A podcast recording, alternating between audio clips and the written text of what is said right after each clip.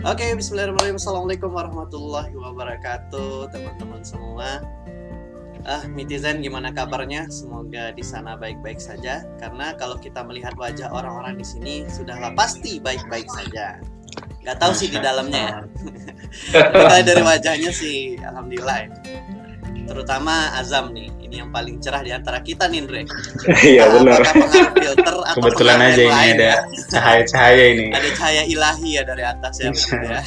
Karena Ampun. sudah sempurna gitu dia. Iya betul. Aduh. Aduh, bicara tentang kesempurnaan ini membuat uh, mata ter terlalu terjaga nih di pagi hari ini. Walaupun belum ada yang menjaga. Oke okay, baik eh, teman-teman semua supaya lebih keren agenda kita supaya lebih berkah tentunya kita awali dengan melafazkan ta'awuz dan basmalah. Bismillahirrahmanirrahim. Dan oke okay, pagi hari ini sebelum kita mulai ya alangkah lebih baiknya kita kenalan dulu ya, ya walaupun tidak begitu terkenal nah kenalin nama Herlambang dari MTKM diamanain sebagai uh, kadep dari Medstra. Dan hari ini kita kedatangan tamu spesial ya. Ini istilahnya tamu di rumah sendiri gitu. Karena ini pakai akun MTKM gitu. jadi karena kita belum banyak kedatangan tamu nih ayo nanti yang mau gabung sama kita ataupun mau kalian podcast sama kita boleh. Nah ini podcast special edition di akhir tahun 2021 kita ngadain uh, live di YouTube dan juga kita uh, nanti kita record ini bakalan kita posting juga di Spotify kita di podcast kita yaitu channelnya Miti Cluster Mahasiswa. Nah jadi tenang aja nih bagi yang pagi ini sedang menjalankan kewajibannya uh, baik untuk siap-siap untuk berberes atau kewajibannya sebagai suami sebagai istri gitu ya. Aduh, hmm. tenang saja, masih bisa mendengarkan podcast kita di Spotify nantinya ya. Nah, tapi bagi yang jomblo yang kebetulan pagi hari ini masih bangun uh, supaya Aduh. produktif ya, ya dengerin ini dulu sebelum berangkat kerja. Karena ini orang-orang pekerja semua di sini, kecuali saya pengangguran. Tapi alhamdulillah. Banyak aja. OTW kerja ya, kerjanya kapan pun gitu. Oke teman-teman semua, uh, tentu kita kenali juga nih narasumber yang luar biasa kita di pagi hari ini di sebelah uh, kiri saya, eh kiri apa sih? itu ada Andre Gusli selaku. Ya, assalamualaikum Bang Herlan dan teman-teman. Mas Andre, selaku dari uh, Kadep Binwil Miti KM dan sedangkan yang di bawah sini. Ini kalau sistemnya kayak gitu ya. Di bawah itu ada ketua MITI KM yaitu uh, Mas Azam. Oh, Assalamualaikum. semua. Ini Mas Azam memang tampilannya sudah berbeda gitu ya Andre. Dan beliau sudah mendahului nah, belum ya. dicukur nih jenggotnya. Oh, jadi beda. biar nampak lebih dewasa gitu ya. Iya jelas. Memang harus kayak gitu calon ayah. Masya Allah calon ayah luar biasa. mohon insya Allah insya Allah ya. Nah jadi btw teman-teman ya nah ini Mas Azam ini masih di masa-masa apa namanya Gak susah juga menjelaskan ya karena alami gitu ya. Tapi kayaknya sih bahagia gitu ya. Nah, jadi beliau pengantin eh, pengantin baru. Mantan baru nih mantan baru nih. Yang, yang sudah menyempurnakan separuh agamanya gitu ya. Nah, ini agak agak curang sih sebenarnya Andre Padahal masih 2021 tapi udah lebih dahulu gitu ya. Padahal kan bisa aja nanti direncanain 2022 gitu. Tapi ya mau gimana lagi kan? Gak mungkin ya nggak mungkin lah ya. Oke baik teman-teman. Nah pagi hari ini kita mungkin akan diskusi diskusi apa namanya ya diskusi terbuka aja gitu ya karena ini jujur li waduh udah pakai jujur li nih ntar lagi gue lo gitu ya nah, kita, banget iya ini padahal ini jaksel nah kita nggak ada setting nggak ada setting setting apa gitu kan kita pokoknya kapan bisa oke okay, kirim foto, bikin pamflet langsung live gitu. Jadi nanti pertanyaannya ya udah jawab aja gitu. Oke okay, ya insya Allah. Nah tapi kita ada tema, tema kita itu adalah untuk uh, siap buat Indonesia bangga di tahun 2022. Nanti kita mungkin akan cerita seputar cerita cerita tentang cita cinta untuk Miti KM di 2022 gitu kali ya. Oke, okay, siapa dulu nih ya? Ini mulai kata ada, ada cita, ada cinta, ya. ada cita-cita nggak ada tapi ya. Ah, enggak, itu udah beda. Itu beda zaman. itu enggak, enggak udah enggak sama lagi. Oh iya. Oke, siap. Dari mana dulu kita mulai nih? Nah, kita mulai dari yang dari Andre dulu lah. Boleh. Ya, boleh. Boleh nih Andre cerita ke kita nih Andre. Uh, Hah? berkaitan dengan uh, apa sih uh, harapan Andre di 2022 nanti? Untuk MTKM. Boleh. Oke, makasih Bang Erlan dan semua netizen yang ada di seluruh Indonesia. Bicara tentang harapan di 2022, sebenarnya kalau untuk kita sendiri, khususnya saya di Binwil, salah satunya adalah eh, memaksimalkan peran MTKM untuk wilayah Indonesia Timur ya, untuk di tahun depan. Karena kita eh, pengen adanya pemerataan SDM gitu, termasuk di Indonesia Timur nantinya, supaya MITKM benar-benar uh, bisa mengindonesia gitu bukan hanya uh, Jawa sentris atau Sumatera sentris gitu. tapi nanti akhirnya di daerah timur seperti Papua, Maluku, Sulawesi dan daerah tengah seperti Kalimantan itu juga bisa um, punya sesuatu gitu ya, punya dampak yang juga jauh lebih baik untuk Indonesia nantinya. Kita berharap besar uh, di sana. Dan berikutnya kita juga berharap karya-karya dari MTKM termasuk nanti ada di program LWR, terus ada di MSC dan program-program unggulan lain dari semua departemen bisa terrealisasi dengan baik sehingga uh, itu semua nantinya bisa menjadi sebab-sebab kenapa Indonesia harus bangga dengan kita anak muda khususnya ada di MTKM. Kayak gitu Bang Herlan. Oke, siap. Mungkin dari Andre selaku dari Binwil ya. Bina wilayah nih ya teman-teman buat yang baru dengar nih. Tiba-tiba kok ada istilah-istilah aneh-aneh ya gitu. Itu bina, bina wilayah. Jadi ketika Iya iya memang uh, kepengurusannya tersebar di berbagai wilayah yang mana di masing-masing wilayah itu kayak buka cabang gitu franchise franchise gitu ya nah jadi itu namanya bina wilayah departemennya jadi masing-masing cabangnya itu ada kepengurusan MITI yang memang mengelola wilayah tersebut gitu contohnya di Sembagut ya nah, Ya, juga iya. nanti ada wilayahnya misalnya di Sumbar nih tempat saya gitu nah jadi nanti ada program juga nih di masing-masing wilayah gitu. dan tadi Andre bilang kita mau maksimalin di bagian Indonesia Timur Andre karena eh, mungkin eh, di antara seluruh wilayah Indonesia Timur yang barangkali istilahnya masih eh, baru gitu ya. Iya, misalnya benar. Kita membangun di sana gitu kan. Nah, jadi kita mau mengoptimalkan supaya memang eh, merata gitu ya eh, di seluruh Hmm. wilayah. Karena kita eh, yang mau kita bikin bangga itu nggak cuma Jawa, ya, tapi Benar, Indonesia gitu. Dan dan itu kita udah udah mulai apa ya pemerataan SDM-nya juga. Jadi setiap ada kegiatan-kegiatan itu kalau bisa ada teman-teman dari Indonesia Timur yang handle kegiatan supaya mereka juga merasa eh, ada gitu. Maksudnya mereka merasa oh ini MITKM juga ada untuk kami. Dan akhirnya itu nanti yang buat mereka juga punya perasaan oh apa yang harus aku buat untuk MITKM ke depan. Oke, ya menarik menarik. Eh, apalagi gini Andre, kadang kalau kita bareng teman-teman Indonesia Timur ya, mereka itu luar biasa gitu pengorbanannya. Contohnya aja Hmm. nih, misalnya kalau kita agendanya kan biasanya malam nih, Iya. otomatis di sana itu udah beda eh, sekitaran dua jam lah ya. Iya. Di sini jam 9, di sana itu udah jam 11 gitu. Iya benar. Nah, jadi memang luar biasa sih pengorbanan dan juga perjuangan ya, perjuangan nah, teman-teman di Indonesia Timur untuk menyema- menyamakan ya, mengikut dengan zona waktu kita gitu dalam setiap aktivitas di MITKM. Belum lagi soal sinyal, Bang. Nah, betul. Bahkan ada yang sampai ada yang manjat-manjat pohon gitu. ini ini yang kadepnya sih.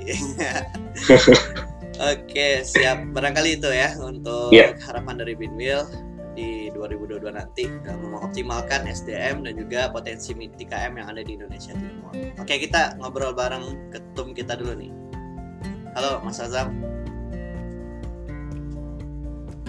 Masih mute, masih mute. Oke, Oke. halo Mas Erlan dan seluruh netizen. Oh, iya. Nah, jadi Mas Azam nih mau ditanya tentang apa? nih? Bebas lah. Bebas aja. Andre udah jelas ya pertanyaan ini pasti Azam. Nggak tahu. Oke, kita samain aja lah biar ada kesetaraan gitu ya. Oke. Oke, eh, gimana nih harapan dari Mas Azam buat MTKM di 2022 nanti?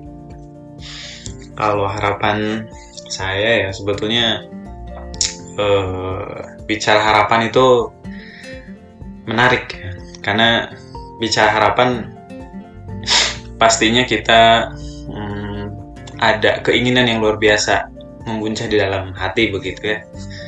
Dan uh, perspektifnya kalau kita bicara mewujudkan harapan menurut saya gitu ya ini bisa mengcover uh, berbagai masalah yang muncul begitu.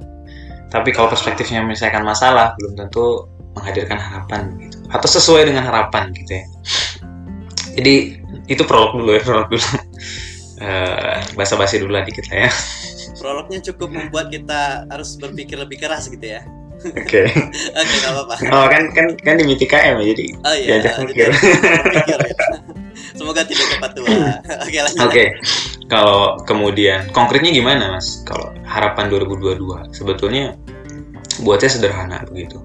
Sesederhana bagaimana kita terus menjalankan seluruh aktivitas dengan segenap waktu yang kita miliki, pikiran yang kita punya begitu termasuk energi yang ada begitu. Karena visi miti KM ini udah udah sangat luar biasa. Tapi kemudian menjadi PR itu bagaimana itu diojontahkan ke dalam langkah-langkah yang memang bisa kita lihat. Oh iya, kita sedang menapaki sebuah tangga begitu. Oh iya, kita sedang menjalani sebuah uh, lintasan waktu begitu ya. Nah, kemudian dari visi itu kan diturunin ke misinya ya. Nah, sederhananya kalau kita lihat bagaimana kemudian aktivitas di miti KM, ya harapan saya teman-teman yang hadir di Midcamp ini bisa benar-benar uh, ibaratnya kalau kata Presiden Amerika waktu itu bilang gitu ya saya nggak hidup di zaman itu tapi quotesnya masih sampai sekarang gitu. Jangan tanya apa yang MITKM kasih ke kamu gitu. Tapi tanya apa yang kamu bisa kasih dari MITKM kepada dari kamu kepada MITKM gitu misal tadi apalagi kalau menyinggung soal yang tadi disampaikan oleh Andre begitu ya uh, dan juga tadi di Semasaran sampai gitu ya bahwa teman-teman di timur itu pengorbanannya jauh lebih besar dibanding kita yang di Jawa. Nah itu itu satu hal yang luar biasa gitu. Dan saya pikir kalau misalkan di timur itu jamnya bisa mulai lebih awal, kenapa tidak ide-ide itu bisa harusnya bisa jauh muncul lebih awal dari timur sana gitu kan. Memang tantangannya itu. Gitu. Nah harapannya di 2022 kita semua bisa benar-benar uh, memberikan kontribusi yang bukan kemudian itu menjadi arahan dari saya gitu ya. Sebagai ketua MTKM sebagai ketua umum gitu. Tapi memang uh, sudah apa namanya embodied dalam setiap diri teman-teman MTKM bahwa ini visi MTKM yang akan datang gitu, yang harus kita wujudkan sama-sama gitu. Kalau nanti visi misinya belum tahu apa ini ini PR lagi nih berarti kita undang teman-teman HRD nih biar teman-teman tahu visi misi MTKM itu seperti apa itu dulu mungkin Bang Herlan Ya.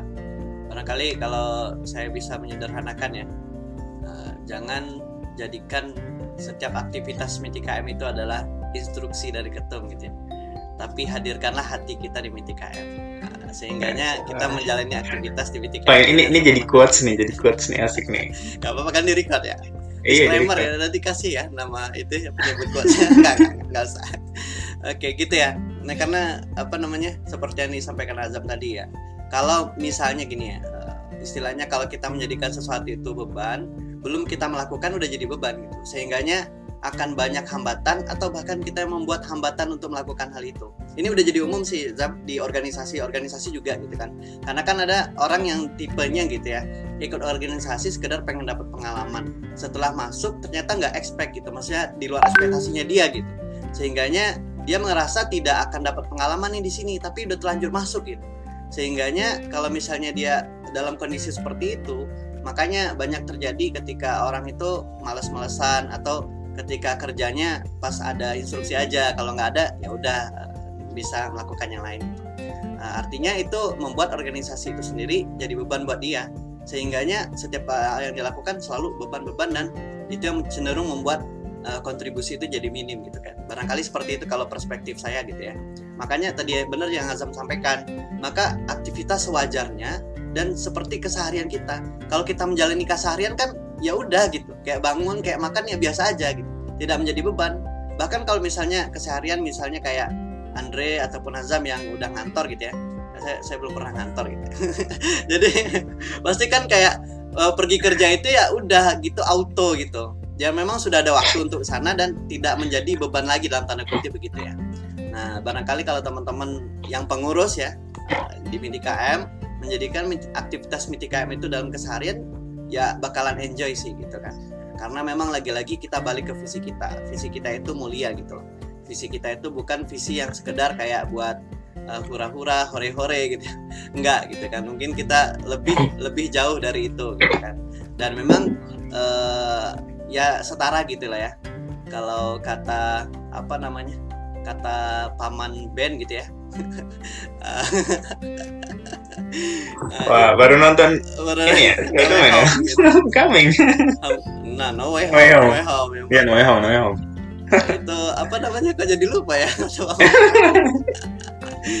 itu pokoknya ya eh, Yang ini ya, gimana ya tanggung pokoknya tanggung jawab tanggung jawab. power. Oh, iya Eh, orang-orang yang diberikan kemampuan yang lebih itu pasti juga setara dengan tanggung jawabnya yang lebih gitu ya. Sama juga ketika lembaga kita memiliki visi yang tinggi ya udah tanggung jawabnya juga tinggi. Makanya kita bareng-bareng gitu loh. Karena kalau Azam Iya, sendiri aja kayaknya nggak kuat gitu. ini tambah rontok nanti rambutnya nih. enggak enggak canda canda. Itu sengaja dibotakin Bre supaya kayak kita itu wah inilah sosok ketua kita gitu. Gitu ya. Tapi sekarang kita udah punya ibu negara, Bang Herl. oh iya kita udah kalah jadi kita nggak bisa uh, banyak banyak berbangga bangga diri iya sih betul betul di sana kita kalahnya Andre Iya. Uh, Enggak lah, kita yang gini kita nggak bersaing gitu. oh nggak bersaing ya tapi Saling saling aja. mendukung Saling menyemangati aja. Oh, saling menyemangati. Siap, siap. Oke, insya Allah, insya Allah ya 2022 Andre Ya. Amin, amin. Amin. Untuk yang lebih baik. Nah gitu ya eh, dari Mas Azam untuk harapan eh, untuk MITKM ya eh, lebih kepada bagaimana kita memberikan kontribusi terbaik kita di MITKM tentunya ya terutama bagi yang pengurus. Nah tentu saja eh, aktivitas ataupun eh, visi dari MITKM itu jujur li, nah ini udah keluar jujur lagi. Gak cuman Jaksel banget. Eh, kami sebagai pengurus eh, aja yang mampu untuk mewujudkannya gitu ya. Makanya kami juga butuh support nih, support dari teman-teman semua nih, teman-teman mahasiswa yang ada di seluruh Indonesia gitu ya. Kita juga buka peluang kolaborasi dan juga eh, mitra gitu ya Andre. Hmm, Barangkali dari Andre boleh juga nih eh, ngasih apa namanya eh, barangkali pesan gitu kan kepada teman-teman mahasiswa di seluruh Indonesia eh, buat sama-sama membantu kita nih ataupun peluang kontribusi apa yang bisa kita lakukan bersama-sama di MITKM untuk Indonesia bangga nantinya di 2022. Oke, thank you Bang Herla. Kalau hari ini kita lihat ya uh, realitanya uh, superhero itu hanya ada di Marvel. Nah, Tapi kalau di dunia di nyata DC ada juga yang ada yang ada adalah super team gitu kan. Nah makanya kita di MITKM pun tidak bisa bergerak sendiri gitu, tidak bisa bergerak hanya atas nama MITKM. Tapi kita butuh kita butuh uh, circle yang banyak lagi gitu untuk sama-sama bergandengan tangan mengumpulkan kekuatan-kekuatan kolektif itu tadi untuk bisa mewujudkan visi kita bersama gitu nantinya. Dan masa muda ini masa yang kalau dokter Gamal bilang masa yang lagi panas-panasnya kayak kalau waktu itu lagi di jam 12 gitu lagi nyengat-nyengatnya gitu jadi sayang banget gitu kalau akhirnya banyak anak muda yang menyanyiakan itu termasuk mahasiswa gitu. Hanya dengan bucin-bucinan atau hanya dengan sekedar main gitu. Nanti kalau udah mulai masuk ke fase usia yang lebih lagi nanti akan ada timbul penyesalan gitu. Jadi hari ini MITKM membuka peluang untuk teman-teman bisa berkarya, teman-teman bisa sama-sama berkolaborasi dengan kita dan buat sesuatu yang nantinya buat Indonesia bangga gitu. Dan itu sudah beberapa, beberapa tahun belakangan kita upayakan. Kayak kita buat eh, karya yang membantu masyarakat di sisi LWR-nya, terus membantu mahasiswa untuk bisa lanjut studi ada di MSc, ada SAC dan program-program lain dari HLN. Di media juga selalu buat MITKM brandingnya jadi baik terus buat pelatihan juga di sisi riset itu juga tadi ada beberapa terobosan dan termasuk di sisi Binwil juga. Di mana kita mengumpulkan uh, banyak orang gitu ya banyak mitra banyak uh, lembaga penelitian yang ada di seluruh Indonesia untuk sama-sama berpikir gitu. Kira-kira terobosan-terobosan apa yang bisa kita buat gitu nantinya untuk uh, anak muda ke depan. Supaya semuanya bisa sama-sama melek gitu bahwa Indonesia ini punya kita gitu. jangan sampai bonus demografi yang kita miliki akhirnya malah berbalik ini sebenarnya kekuatannya Bang Herlan Mas Azam. Bonus demografi itu kan kekuatan artinya peluang gitu. Tapi ketika bonus demografi yang masuk tidak diimbangi dengan SDM yang baik gitu yang bagus nah ini justru akan jadi masalah besar untuk Indonesia nantinya gitu. Tapi ketika kita bisa manfaatkan ini dengan baik pastinya kita punya peluang untuk jadi negara maju nantinya gitu. Tapi balik lagi gimana cara kita sekarang bisa sama-sama mengubah mindset mindset anak muda gitu supaya berpikir sama seperti yang disampaikan Mas Azam tadi bahwa apa yang bisa kita lakukan untuk MITKM untuk Indonesia gitu. Jangan hanya berpikir apa yang negara bisa kasih ke kita dan apa yang bisa MITKM kasih ke kita. Tapi berpikir kontribusi apa yang bisa kita berikan yang terbaik untuk bangsa ini gitu. Oke, luar biasa ya dari Anda ya. Ini secara umum yang memikirkan anak muda gitu. Karena sudah sering diundang di event-event anak muda ya, Andre. Nikahan anak muda Okay. Siap. Walaupun agak sering disangka Surya yang udah bapak-bapak. Oh iya, ya. tapi masih muda. Uh, Surya versi 20 tahun yang lalu. Aduh. Om Suryo, Om Suryo. Oke. okay. Nah itu ya dari Andre. Bahwasanya uh, para pemuda hari ini ya mahasiswa Indonesia terkhususnya itu memiliki potensi dan juga semangat yang besar. Jangan sampai nih ya semangatnya dan potensinya itu justru digunakan untuk hal-hal yang nggak bermanfaat gitu ya ataupun untuk sesuatu yang justru merugikan dirinya sendiri bahkan Indonesia nantinya makanya kita di MTKM mengajak bareng-bareng yuk kita ini punya wadah nih kita punya program yuk kita punya visi buat sama-sama kita wujudkan dan bikin Indonesia bangga gitu ya Andre dan insya Allah nih yeah. Juga siap kolaborasi di sisi mana pun gitu ya apakah itu hmm. di bidang riset apakah itu di bidang sosial kemasyarakatan gitu kan ataupun di bidang-bidang uh, penguatan atau upgrade uh, organisasi dan sebagainya gitu. karena memang itu juga program-program kita di uh, departemen-departemen yang ada di BTKM. Nah kita mau dengar nih kalau dari perspektifnya ketum kita gimana nih dari uh, Mas Azam gitu ya berkaitan apa sih yang bisa dikolaborasikan oleh teman-teman mahasiswa buat MTKM di 2022 nanti nih Mas Azam. Gimana gimana coba pertanyaan ulang lagi. Apa yang bisa dikolaborasikan oleh teman-teman uh, MITKM uh, oleh teman-teman MITKM oleh teman-teman mahasiswa untuk MITKM. Oke, okay, okay. dijawab ya pertanyaannya. Ini Baik, siap. yang bisa dikolaborasikan ya.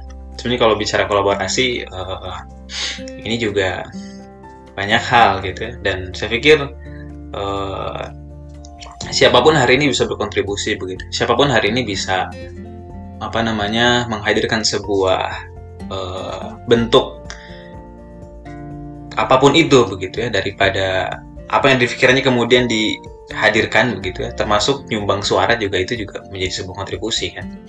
Bentuk kepedulian seseorang terhadap sebuah kondisi kan minimal dengan adanya ketidaksukaan atau suka gitu ya atau kritik. Menurut saya itu juga bagian daripada hal uh, kontribusi yang sangat sederhana begitu karena hari ini ya uh, semua bisa dihitung semua bisa dikalkulasi semua bisa kita lihat gitu ya ada angkanya begitu ya Nah, itu yang memudahkan kemudian untuk melihat apa yang udah kita kasih kontribusi. Nah, kalau bicara kontribusi mahasiswa, apalagi begitu ya, sebetulnya memang kadang agak uh, susah gitu ya. Karena ya pasti ketemu batasan-batasan, ya nggak? Ketemu harus kuliah, ketemu harus uh, hadir, ketemu tugas, ketemu macam-macam gitu. Terus uh, di organisasi di kampus juga udah banyak kegiatan. Tapi kemudian gimana caranya? Apa yang bisa kontribusikan? ya teman-teman lihat aja gitu ya contohnya hari ini sudah banyak begitu nggak cuma di Indonesia nggak cuma di luar negeri gitu. bahkan menyebar di semua tempat itu orang-orang seperti uh, Mas Herlan gitu ya di sini Mas Andri itu ada gitu loh satu loh yang, yang mereka tuh yang mereka tuh nggak cuma kerja aja nggak cuma kuliah aja tapi juga uh, apa namanya membuat sebuah langkah-langkah yang kemudian mimpinya itu ingin diwujudkan sejalan dengan aktivitas pekerjaannya, sejalan dengan aktivitas kuliahnya. Dan kalau kita lihat gitu ya, guru-guru kita, teman-teman kita yang kuliah di luar negeri, apakah mereka kemudian kuliah aja di sana? Kayaknya enggak deh. Mereka juga sambil kerja, mereka juga sambil aktivitas yang lain. Bahkan ada juga yang kemudian bisa jadi hidup mereka tuh 48 jam sehari. Kenapa? Kan kegiatannya banyak gitu misalnya. Uh, di sini zoom di sana zoom, zoom. jadi sebenarnya ada tiga gitu dia masih cuma menyesuaikan. I mean uh, banyak hal yang bisa dikolaborasikan.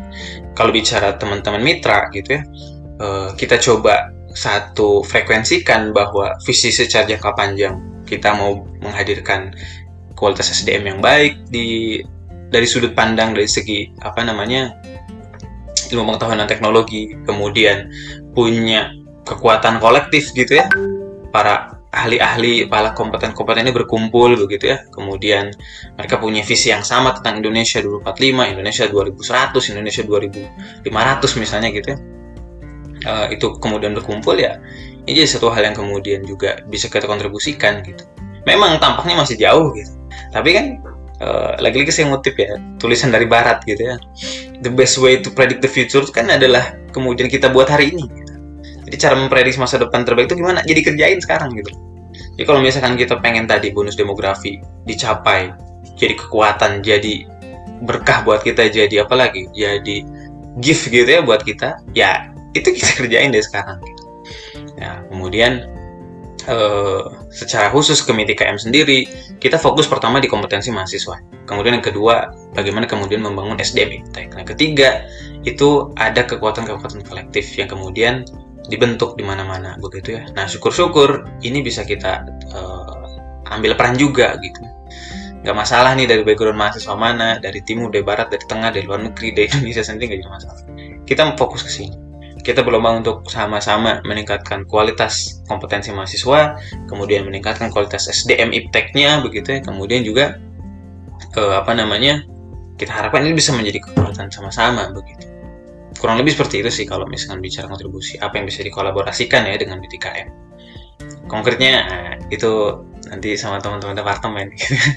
ada di Binwil, ada di HLN, ada di JNK gitu ya, ada di RIPI gitu ya masing-masing departemen punya spesialisasi dan fokusnya gitu.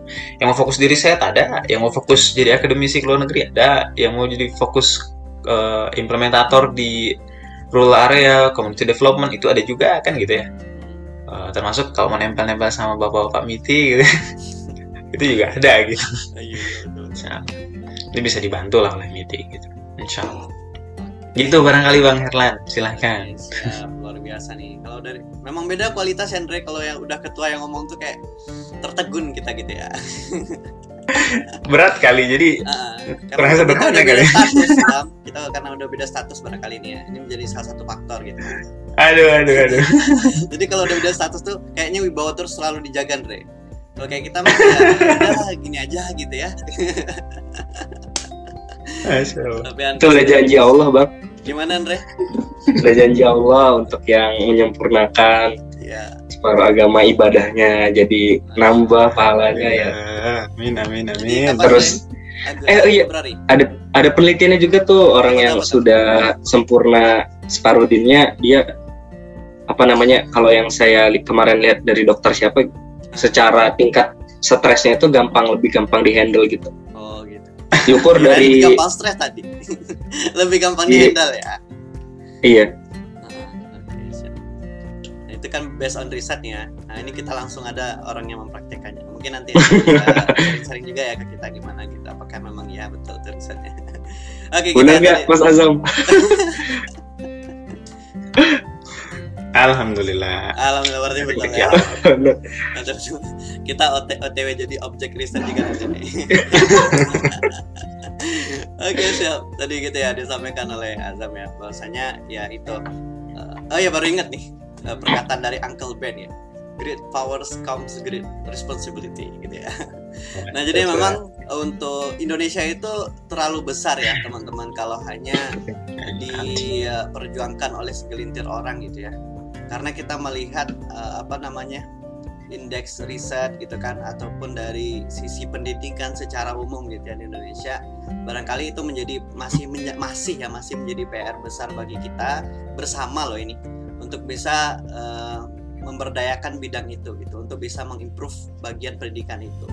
Ya makanya kami dari MITI KM juga nggak maksudnya uh, nggak istilahnya oh MITI KM ini bisa membuat Indonesia apa? Enggak gitu tanpa bantuan teman-teman gitu ya. Tanpa uh, kolaborasi kita sama-sama uh, mungkin terlepas dari ini perspektif uh, saya pribadi ya. Terlepas dari kita lembaganya apa ya sebagai mahasiswa mungkin setiap kita punya gerakan masing-masing gitu ya.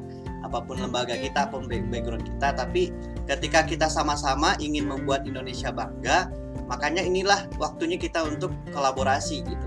Benar yang disampaikan Azam tadi bahwasanya kalaupun kita sudah membayangkan uh, di masa depan nanti akan ada yang namanya Indonesia emas gitu kan. Dengan kriteria Indonesia emas tuh misalnya dari bidang risetnya udah maju pemudanya sudah diberdayakan kompetensi pemudanya juga udah bagus gitu. Kenapa nggak dari sekarang kita mulai gitu? Kenapa kok Indonesia emas itu kita harus menunggunya uh, 2045 gitu kan? Sedangkan dari sekarang udah bisa kita ansur gitu. Makanya kami dari MITI ya gerakan yang kami lakukan mungkin tidaklah besar gitu ya. Tapi kami tentu berupaya untuk dampaknya bisa lebih besar dan uh, tidak cuma kami yang gerak gitu. Karena lagi-lagi Indonesia ini terlalu besar buat dibuat uh, dibuat bangga oleh MITKM gitu. Jadi uh, MITKM hanya ya salah satu wadah barangkali buat teman-teman yang memang uh, siap untuk ditingkatkan kompetensinya gitu ya. Sebagai seorang mahasiswa ataupun yang teman-teman uh, pengen fokus di bidang riset gitu kan ataupun di bidang keilmiahan gitu ya. Dan ada ada pun ketika teman-teman juga pengen ya namanya lanjut studi di luar negeri dan sebagainya. Karena salah satu program kita tuh ada MSc ya Zak. Uh, itu untuk apa namanya persiapan untuk kuliah di luar negeri. Yang memang itu betul-betul kita fasilitasi kita hadirkan mentornya. Yang sekarang baru selesai seleksi gitu ya alhamdulillah rame yang daftar bahkan sampai 180-an gitu ya data terakhir gitu dan ini salah satu ikhtiar kita teman-teman buat bagaimana melahirkan SDM SDM unggul Indonesia terutama di bidang riset dan juga ilmiah gitu. Nanti kan kalau SDM-nya udah unggul, ya auto nanti mereka juga bisa uh, membuat negaranya unggul begitu barangkali ya. Oh ya ini kok jadi saya yang paling banyak ngomong. Oke kayaknya kayak gitu, kurang lebih gitu sih, kurang lebih gitu. Emang nggak bisa ngomong sih ini Indra. Gak apa-apa kan sama-sama diskusi. Iya ya, ini kalau udah sedikit ngomong ngomong terus gitu kan. Padahal di sini ada dua orang yang akan segera berangkat kerja ya. Pengangguran ini apalah ya gitu. Wah, ini ini merendah sebenarnya ya Mas Azam ya padahal ibaratnya kalau di perusahaan itu hmm Bang Herlan ini tuh CEO-nya kan. Jadi waduh, kita waduh. itu kita hanya apanya ya bawahannya gitu. Oh, Jadi OTW lah mudah-mudahan yang diikhtiarkan Bang Herlan bisa apa ya segera grow up. Amin. Februari ya Andre tanggal 2 2022. Siap. okay. Tanggalnya bagus itu ya. Bagus ya. Oh iya, tanggal bagus. Semoga orangnya juga bagus. Oke. Okay. kita mau sampai jam berapa nih? Jam 7 cukup atau oh iya nih, kita sampai jam 7 aja lah ya. Masih ada kurang lebih berapa menit lagi nih ya? Uh, 15 ya? Iya, 18 menit lagi. Hmm. Oke, okay, untuk uh, the last barangkali ya. Atau dari teman-teman ada pertanyaan nggak nih? Yang dari apa namanya? live YouTube gitu ya dari live YouTube boleh silakan kalau ada pertanyaan silakan ketik di kolom chat aja ya karena ini mungkin agak delay beberapa detik ya. Eh, ya maklum lah. Sinyal gitu. Nah jadi silakan kalau ada pertanyaan. Nah oke okay, the, the last question barangkali ya. Uh, kita kan dari MITI nih uh, di kepengurusan sekarang ya. Uh, kita punya hashtag yaitu pengen bikin Indonesia bangga.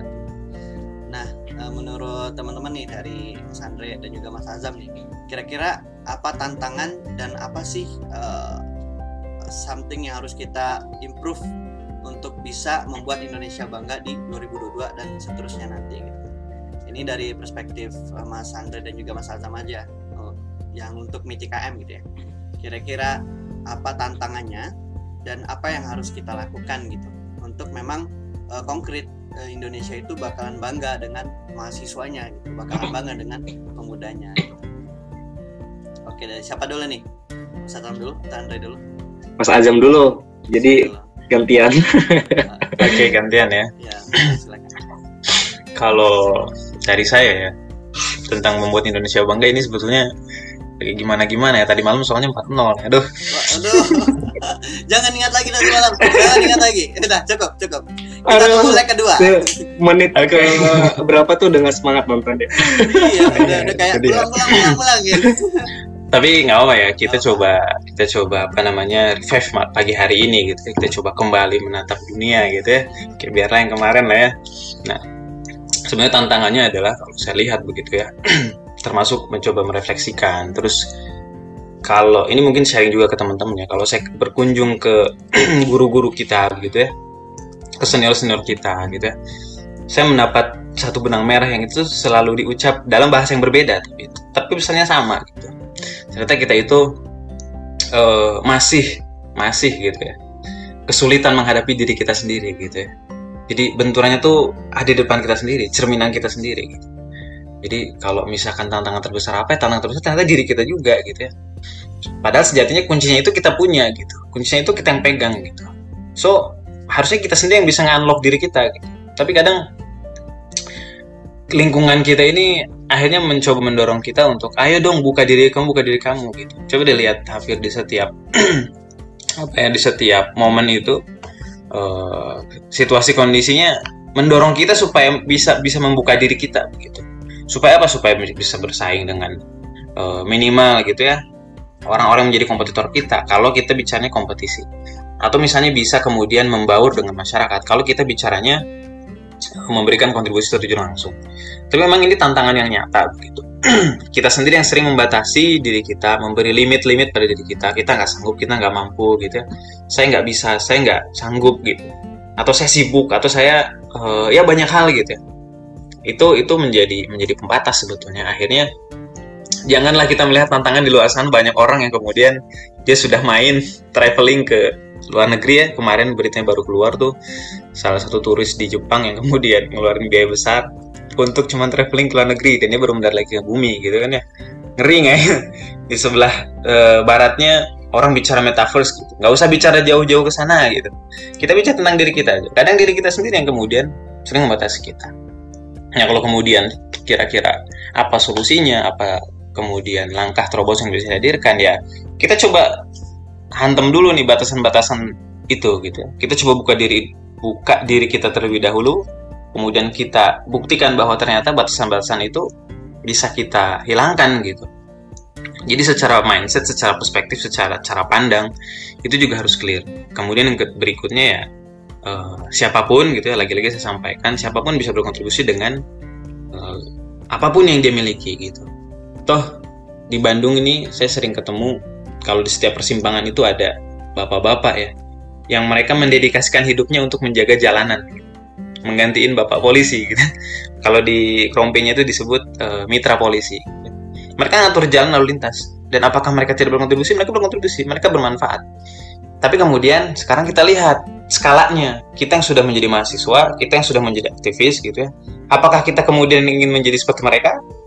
Kalau cuman bermanfaat aja nggak usah sekolah tinggi tinggi kayaknya bapak-bapak yang kemudian di pinggir jalan mereka juga nggak sekolah tinggi tinggi mereka tetap bisa bermanfaat. Bahkan kalau kita bandingin dengan kita jangan-jangan mereka jauh lebih bermanfaat dibanding kita sendiri gitu.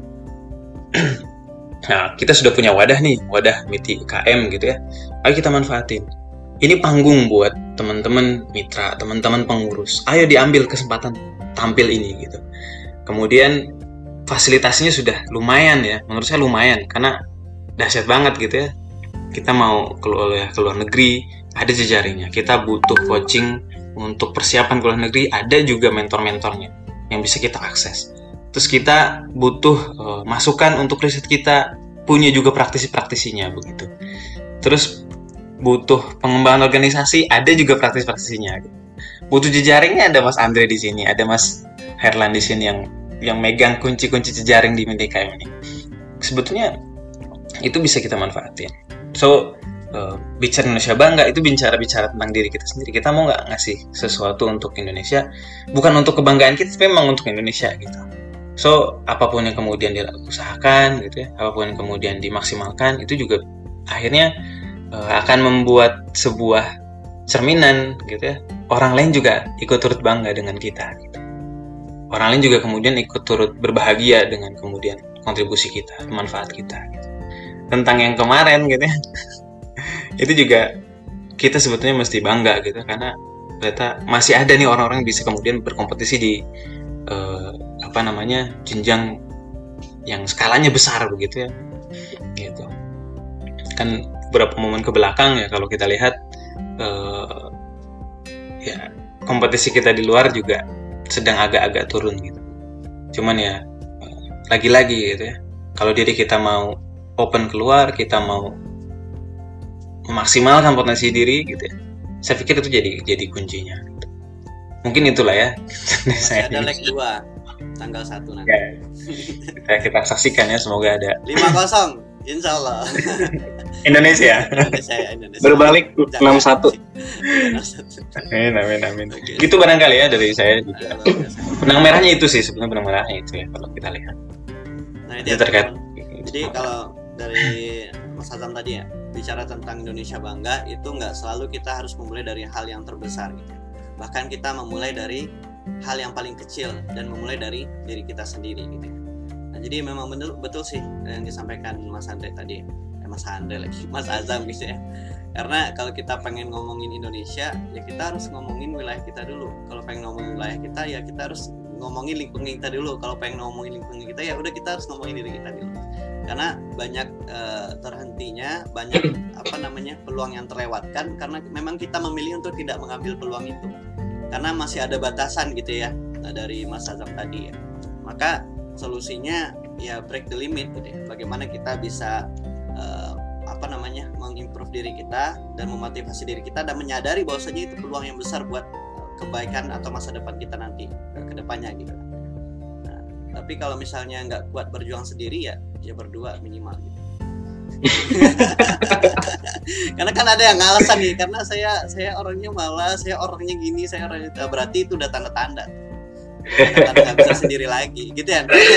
Kalau saya baru nemu nih baru baru ini quotesnya. Nah, gimana, gimana uh, dari ketua umum NU yang baru. Ah, siapa namanya? Uh, Kiai siapa lupa namanya. Uh, jadi quotesnya uh, kiamat sudah dekat. Menikahlah karena Dajjal jomblo. Aduh, ini keras. Aduh, ini keras. Aduh, sahih ya riwayatnya ya. ya, sahih nggak tuh atau doif. Dajjal jomblo. Ya, ya wes, mau nggak ditunggu 2022. Bang Erwan dulu. Jangan marah dengar ini. Oke. Uh, kok oke okay sih? Oke, okay, lanjut lanjut Andre. Uh, gimana Andre? Gimana dari Andre? Ya, kalau dari saya sebenarnya kurang lebih sama ya. Poin-poin yang disampaikan Mas Azam menambahkan aja. Uh, yang uh, yang bisa kita kontribusikan menuju Indonesia bangga itu ada dua aspek sebenarnya kalau di media.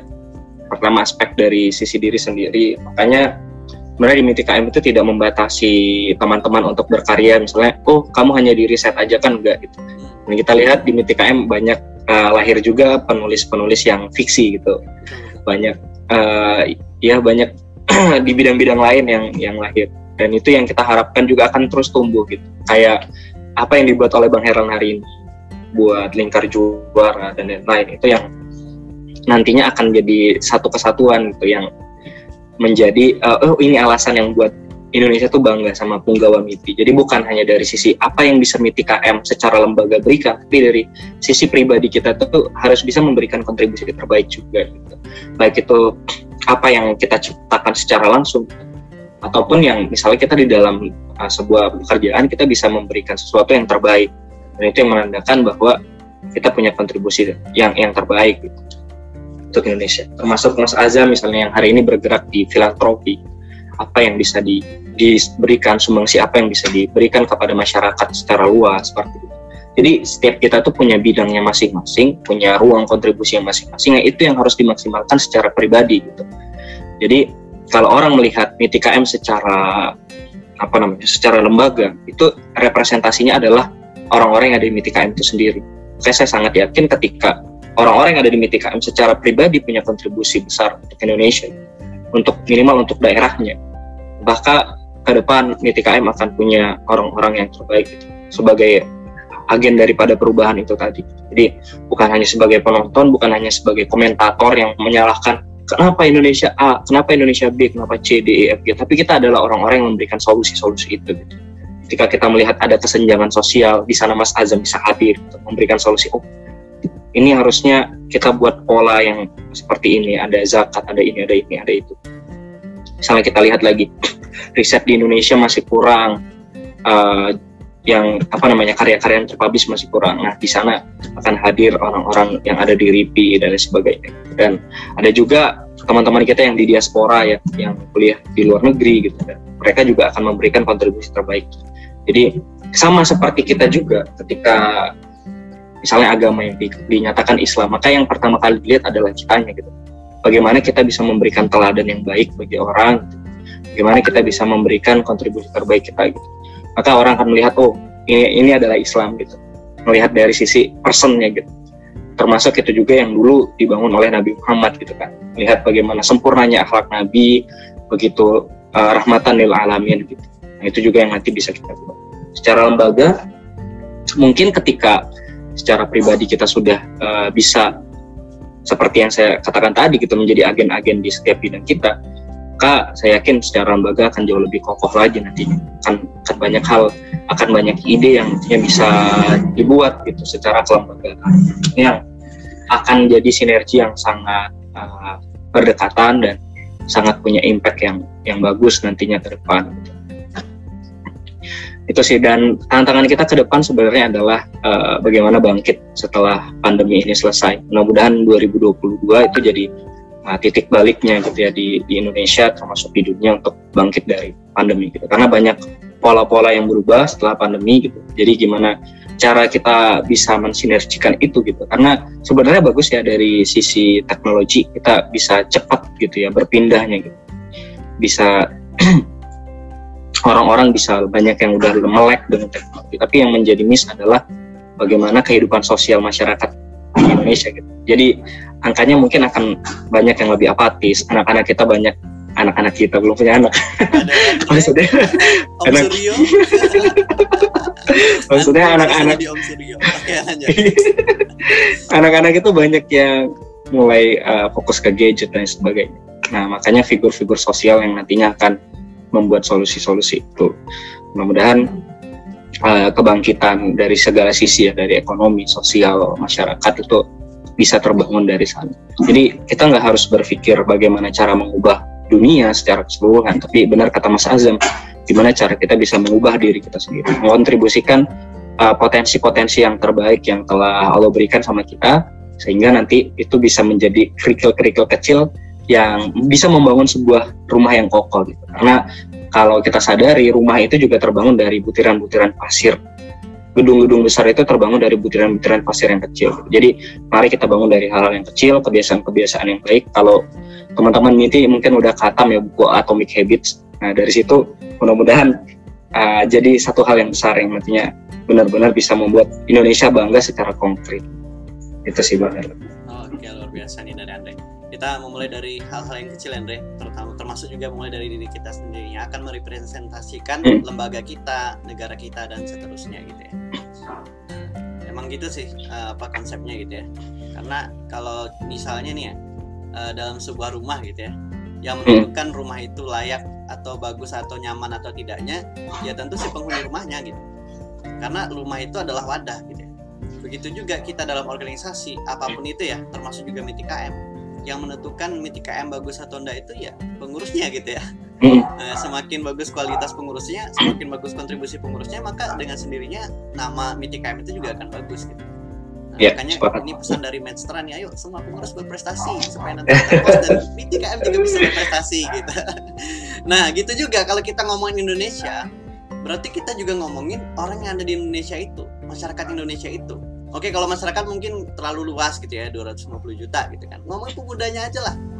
Yang selevel kita mahasiswanya. Jadi kalau memang iya, kita punya harapan Indonesia pengen bagus, Indonesia pengen bangga, pengen jadi negara maju gitu. Ya kitanya juga harus maju dulu gitu kan. Dan kalau misalnya nih buat teman-teman yang sekarang pesimis ya, apakah itu di bidang riset, riset itu kan susah gitu kan, atau di bidang yang lain dan sebagainya.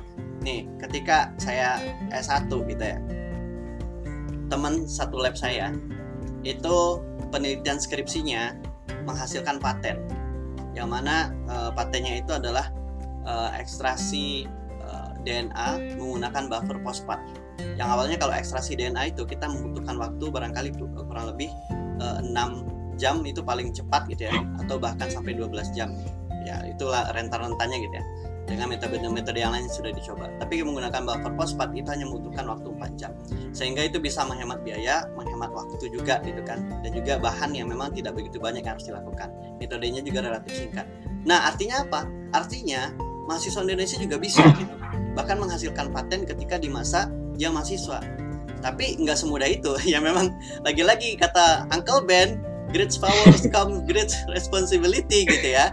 Jadi dia memang aktivitasnya fokus di labor, tapi dia memang menekuni dan menyenangi aktivitasnya di labor sehingga bisa hasilkan paten dari hasil riset ataupun hanya skripsinya gitu.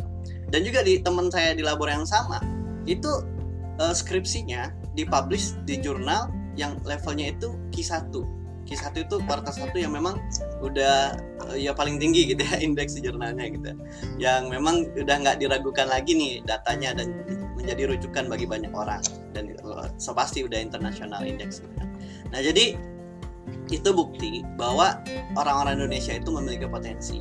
Kalau teman-teman iseng-iseng baca Forbes Under 30 juga sekarang udah mulai banyak tuh orang-orang Indonesia masuk namanya di situ. Pemuda-pemuda yang umurnya di bawah 30 tahun udah menjadi orang sukses terkaya dan lain sebagainya.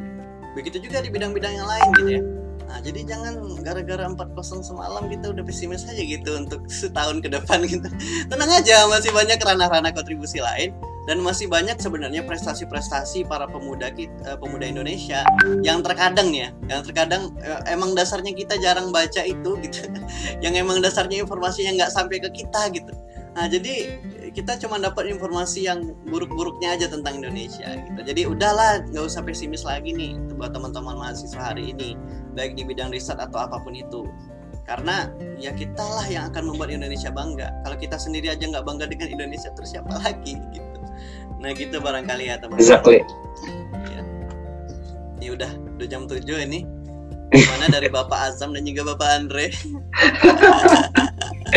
Belum bawa bapak Mas Azam baru. Oh iya siap. Om Suryo tapi Bapak Suryo. Oke. Okay. Uh, eh, closing aja lagi ya. Barangkali closing deh dari uh, Mas Azam dan Andre boleh. Dari Azam dulu deh. Untuk pertemuan pagi ini gitu kan apakah layak dilanjutkan lagi atau udah aja gitu. Oh, iya.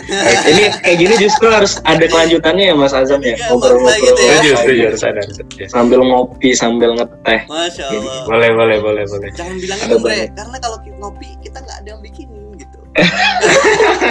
kalau Azam nanti tinggal datang nanti kan, oh ini ada. Aduh, aduh. Kalau kita harus izin dulu, izin off cam gitu kan.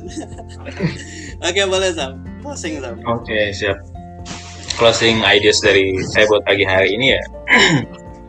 Oh, banyak hal yang sebetulnya ingin kita wujudkan gitu ya.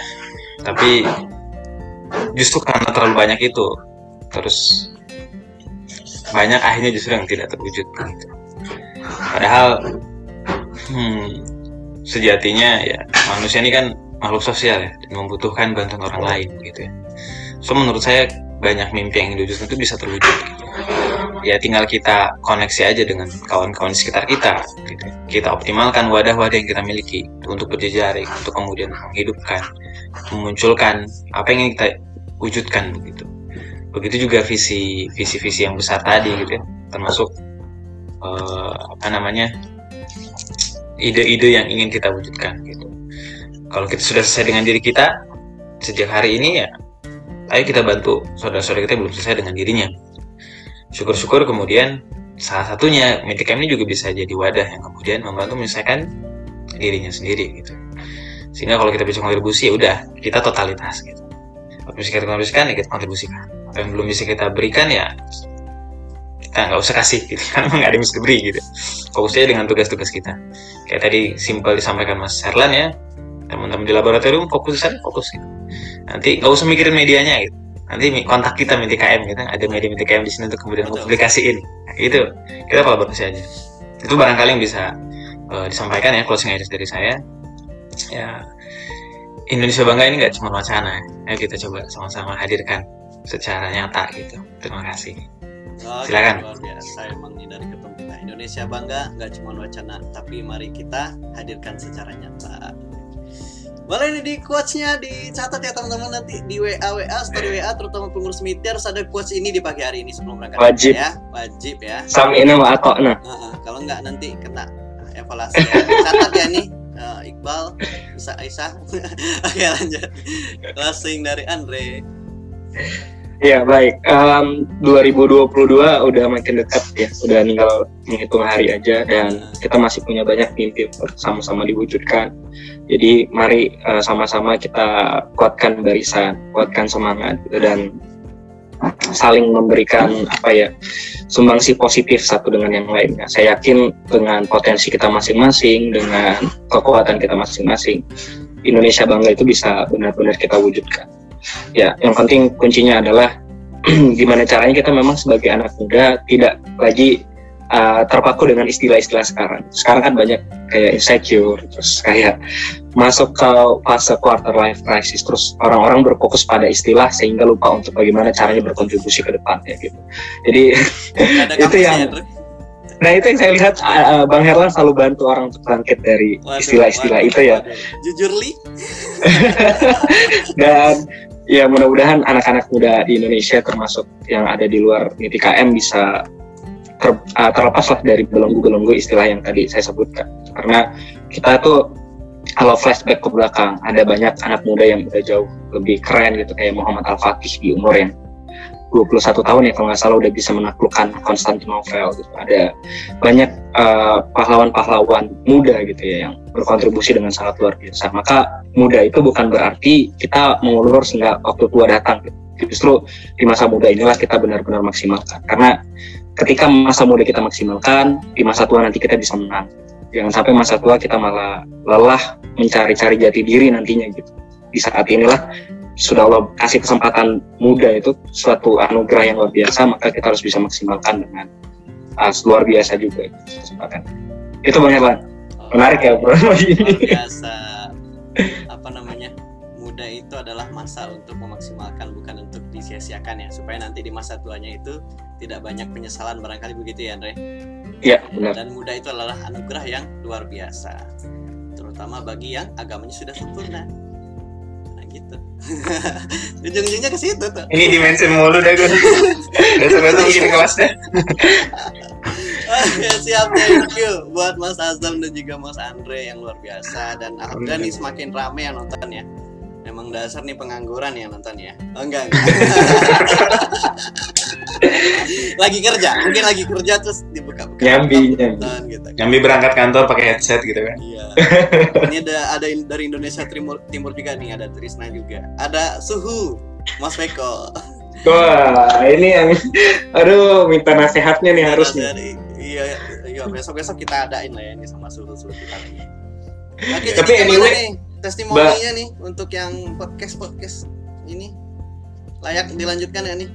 Kalau ya, wajib. Layak ya. Tapi anyway Bang Herlan Gimana gimana? bicara tadi itu apa namanya soal kerjaan, kayaknya sekarang udah banyak yang kerja dari rumah dan Iya. eh, berkarya bagus juga kan? Iya sih. Banyak udah profesi-profesi baru kan? Iya betul. Work from home WFH.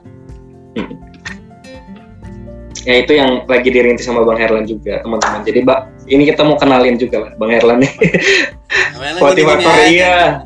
Terus aja. ngebangun apa namanya impact sosial juga iya. Pengusaha juga sedang eh, dirintis juga ya Bang Herlan buat startup.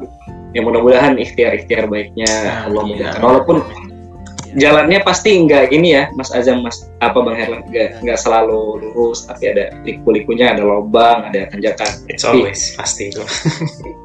Pastinya wish masih you all ada, the best Bang Herlan Amin. pastinya masih ada yang kurang Dre. Apa itu ya itu. oh, iya. memang sih benar-benar harus Heeh. harus ada Sambil promosi berarti belum bisa sekarang. ya. berbangga, masih belum bisa berbangga. oh iya Jadi sebelum buat Indonesia bangga, buatlah bangga eh, keluarga dulu. siap siap oke ya. Oke. Nih, gimana Zap? Lanjut lanjut. Udah gitu aja sih. Ya barangkali ya. Terima kasih sekali lagi buat Mas Andre dan juga Mas Azam yang udah masih apa namanya insightful banget ya eh, kepada kita semua gitu ya. Yang sudah berbagi semangat istilahnya di akhir tahun ini. Buat kita semua yang dengerin video ini ya pengurus atau bukan pengurus siapa pun lah yang dengerin video ini udah kasih semangat buat ya, kita semua untuk bagaimana menyongsong 2022 uh, lebih baik lagi ya. Dengan mengukir cerita terbaik dengan cita-cita terhebat Masya Allah. dan tentunya dengan cinta yang luar biasa gitu ya untuk Indonesia gitu Sat- sat- satu lagi sih Bang Herlan, Apa- apa kalau kalau kita dengar pernah dengar lagunya Cowboy Junior tuh, tak Oh. perlu tunggu hebat untuk berani memulai. apa Rai yang kau impikan, gitu. ah ya Jadi nggak perlu jadi orang yang, oh aku orang hebat baru melakukan hal hebat gitu kan. Ya tapi karena kita kita, semua melakukan itulah kita menjadi hebat benar. Sih. that's it Oke, siap. Barangkali itu ya untuk pagi hari ini bincang-bincang kita di podcast edisi spesial ini yang ya sebenarnya serba, serba mendadak aja ini ya, tapi yang penting jalan lah gitu ya. Dan ini bisa dinikmati oleh khalayak ramai terutama netizen yang lagi nonton uh, podcast ini gitu. Nah kalau memang iya nih uh, dari teman-teman semua ada usulan dan saran untuk podcast ini silahkan ketik di kolom chat dan jangan lupa di like, komen dan subscribe channel Miti KM gitu ya. Wajib. Wajib itu hukumnya ya supaya teman-teman juga mendapatkan informasi berharga, berharga dari Miti KM nantinya. Dan tentunya lagi-lagi eh, buat teman-teman yang mau kolaborasi sama Miti KM kita open banget gitu ya apa pun itu yang mana eh, sama-sama punya keinginan buat Indonesia bangga baik di bidang riset dan juga teknologi atau bidang sosial ya hubungin aja kita di kontak person kita di Instagram @miti eh, cluster mahasiswa ataupun di website kita itu eh, www.mitimahasiswa.id yang baru direnovasi. Jadi udah bagus lah sekarang udah udah kita pakai tempat Iya, iya. baru tapi masih perlu good. ditambah kontennya gitu untuk website kita.